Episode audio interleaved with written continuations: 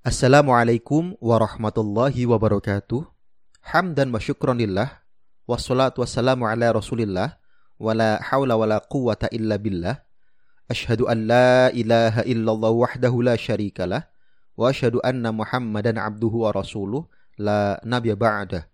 Allahumma salli ala Muhammad wa ala ali Muhammad amma ba'du. Pendengar rahimakumullah.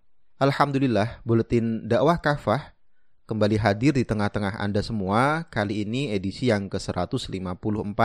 Tanggal 24 Zulhijjah 1441 Hijriah bertepatan 14 Agustus 2020 Masehi.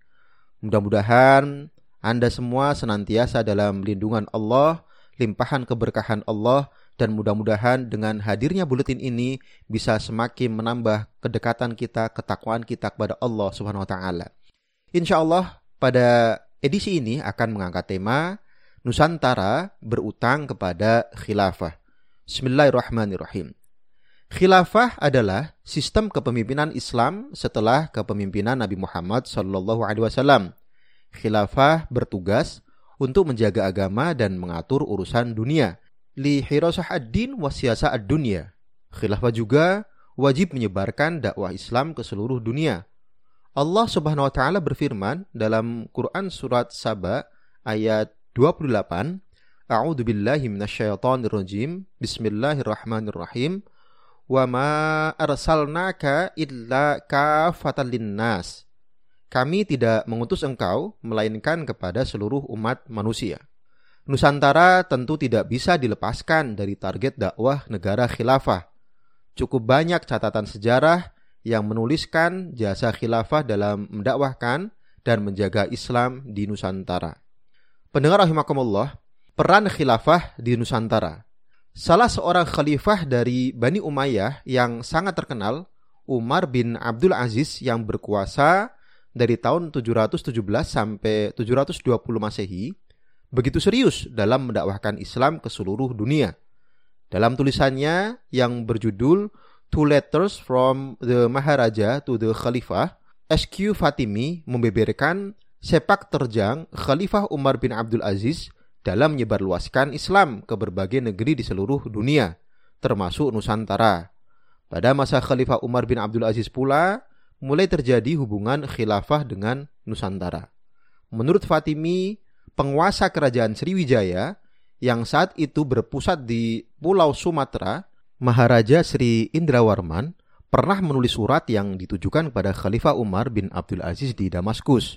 Surat tersebut dinukil oleh Ibnu Abd Rabbih dalam Al-Iqad Al-Farid berdasarkan riwayat dari Nuaim bin Hamad, Raja Hin atau Sriwijaya mengirim surat kepada Khalifah Umar bin Abdul Aziz dari raja di raja yang adalah keturunan seribu raja yang istrinya juga adalah anak cucu seribu raja, yang dalam kandang binatangnya terdapat seribu gajah, yang wilayahnya terdapat dua sungai, Musi dan Batanghari, yang mengairi pohon gaharu, bumbu-bumbu wewangian, pala dan kapur barus yang semerbak wewangiannya sampai menjangkau jarak 12 mil.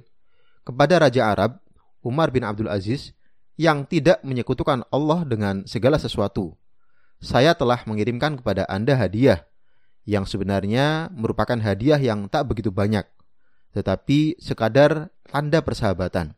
Saya ingin Anda mengirimi saya seseorang yang dapat mengajarkan Islam kepada saya dan menjelaskan kepada saya tentang hukum-hukumnya. Pada masa-masa berikutnya, Kesultanan Aceh yang berdiri pada tahun 1496 Masehi memperbarui hubungan dan ketaatannya dengan pusat kuasa Islam di Timur Tengah. Ketika pucuk khilafah sudah beralih ke Bani Utsmaniyah di Turki, Sultan Aceh yang ketiga, Alauddin Riayat Shah Al-Qahar, berkuasa pada tahun 1537 sampai 1571, mengirim surat kepada Khalifah Sulaiman Al-Qanuni di Istanbul pada tahun 1566. Dalam surat itu, ia menyatakan bayatnya kepada Khilafah Utsmaniyah dan memohon agar dikirimi bantuan militer ke Aceh untuk melawan Portugis yang bermarkas di Malaka. Pengganti Khalifah Sulaiman Al-Qanuni, yakni Salim II, mengabulkan permohonan Sultan Al-Qahar dan mengirimkan bala bantuan militer ke Aceh.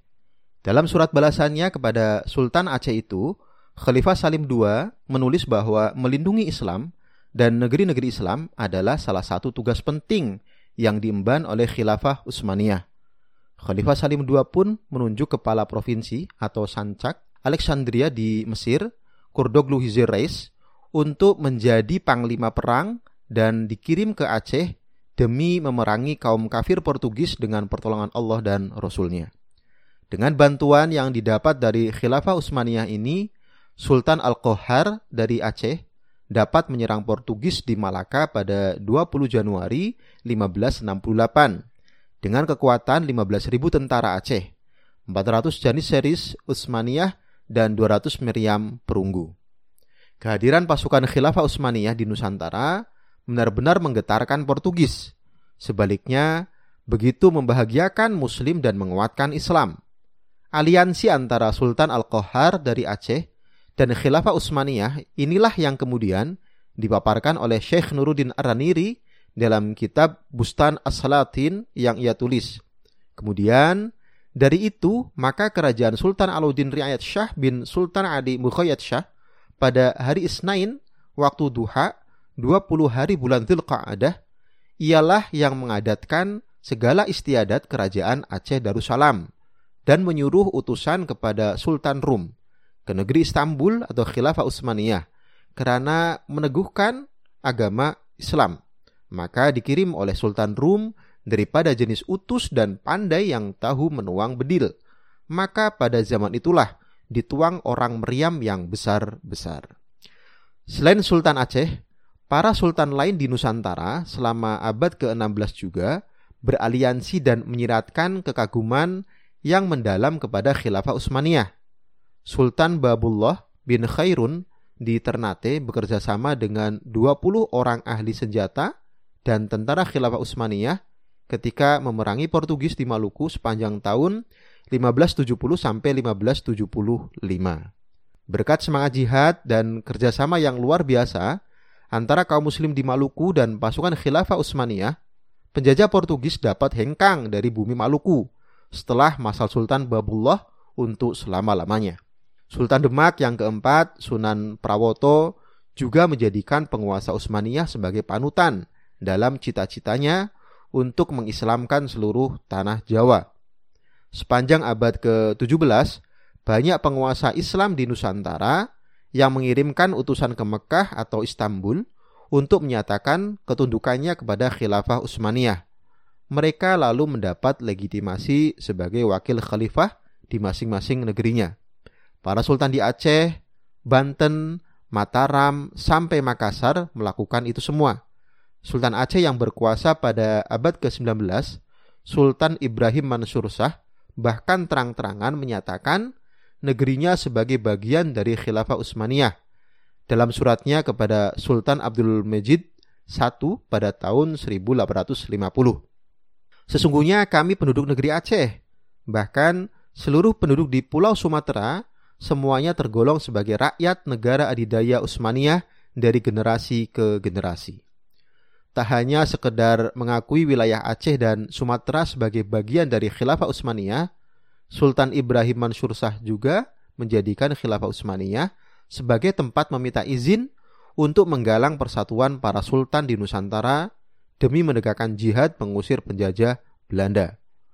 Maka dari itu yang diharapkan dari sumber kasih sayang Tuhan yang berbahagia, Khalifah Utsmaniyah adalah menganugerahi kami sebuah titah kesultanan yang dapat menyatukan seluruh para pembesar rakyat kami dari kaum muslimin supaya suara mereka bersatu padu dan bulat untuk menegakkan jihad di jalan Allah dan mengusir kaum kafir Nasrani itu dari negeri-negeri kaum muslimin.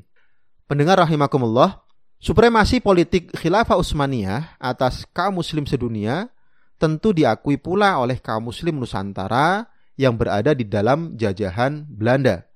Gunawan, ketua Sarekat Islam Afdeling atau cabang Batavia yang merangkap kepala redaktur salah satu koran terbitan Sarekat Islam yaitu Pancaran Warta dalam artikel yang dia tulis pada 10 November 1914 yang menulis di seluruh dunia hanya Turkilah yang masih tinggal merdeka.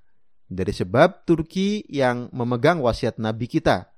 Begitulah orang muslimin memandang Turki sebagai kerajaan yang melindunginya dalam lautan fitnah dan perduhakaan dari pihak musuhnya. Begitulah perasaannya kebanyakan orang-orang muslimin di tanah-tanah yang ada dalam genggamannya kekuasaannya Eropa.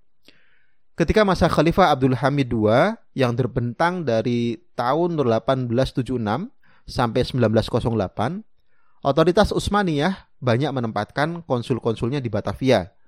Keberadaan konsul-konsul Utsmaniyah ini begitu mengganggu pemerintah kolonial Belanda. Senok Horgonye mencibir mereka itu adalah para perantara dalam hubungan-hubungan yang misalnya ada di antara orang-orang Arab, Melayu, Aceh di Hindia Belanda dengan Sang Panatogomo di Turki. Maksudnya adalah Sultan Abdul Hamid II. Dan mereka mengusahakan supaya surat-surat kabar yang mendapat perlindungan dari istana selalu memburuk-burukan pemerintah kolonial dan ratu Belanda, ungkap Snok Horgronje. Salah seorang konsul Utsmaniyah yang bertugas di Batavia pada tahun 1897 sampai 1898 adalah Mehmet Kamil Bey. Selama bertugas, Mehmet Kamil Bey berusaha sungguh-sungguh untuk membangkitkan perasaan anti Belanda di antara kaum muslim setempat. Koran berbahasa Inggris yang terbit di Singapura pada 29 Desember 1898 merangkum kegiatan perlawanannya. Dia dengan mencolok tidak hadir dalam upacara penobatan Ratu Belanda, seolah ingin menunjukkan kepada penduduk pribumi bahwa dia bisa bertindak merendahkan pemerintah Belanda. Mehmet Kamil B juga diketahui menggoyahkan kesetiaan dua raja pribumi tertinggi di Jawa Tengah dan mengirim surat kepada seorang raja di bawah kekuasaan Belanda di Borneo atau Sumatera untuk mencoba mempengaruhi raja agar mengurangi kesetiaannya kepada Belanda. Pendengar rahimakumullah, sungguh pemerintahan Islam yang bernama khilafah pernah memainkan perannya di negeri kita. Rentang jarak pusat khilafah yang jauh di Baghdad, Kairo atau Istanbul tidak menyurutkan kepedulian para khalifah dan kaum muslim di sana untuk Nusantara. Betapa banyak jejak khilafah yang masih berbekas di berbagai pulau di Asia Tenggara. Tentu, jejak yang paling jelas dan nyata dari peran khilafah di masa lalu adalah keislaman kita.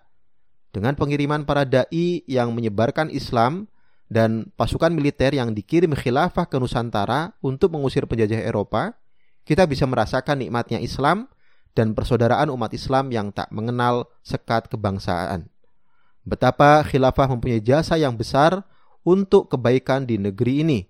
Para orang tua kita pun pada masa lalu memandang positif khilafah sebagai kepemimpinan tunggal bagi kaum muslim global. Wallahu a'lam. Demikian materi kafah edisi 154 Nusantara berutang kepada khilafah. Mudah-mudahan kita semua semakin memahami tentang sejarah yang ada dan kita pun merindukan begitu indahnya kejayaan Islam di bawah naungan khilafah. Terima kasih. Wassalamualaikum warahmatullahi wabarakatuh.